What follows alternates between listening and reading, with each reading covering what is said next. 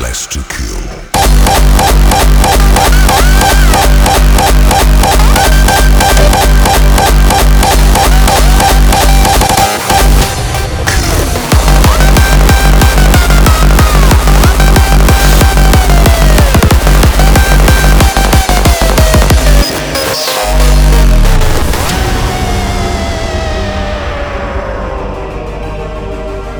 Must we stop?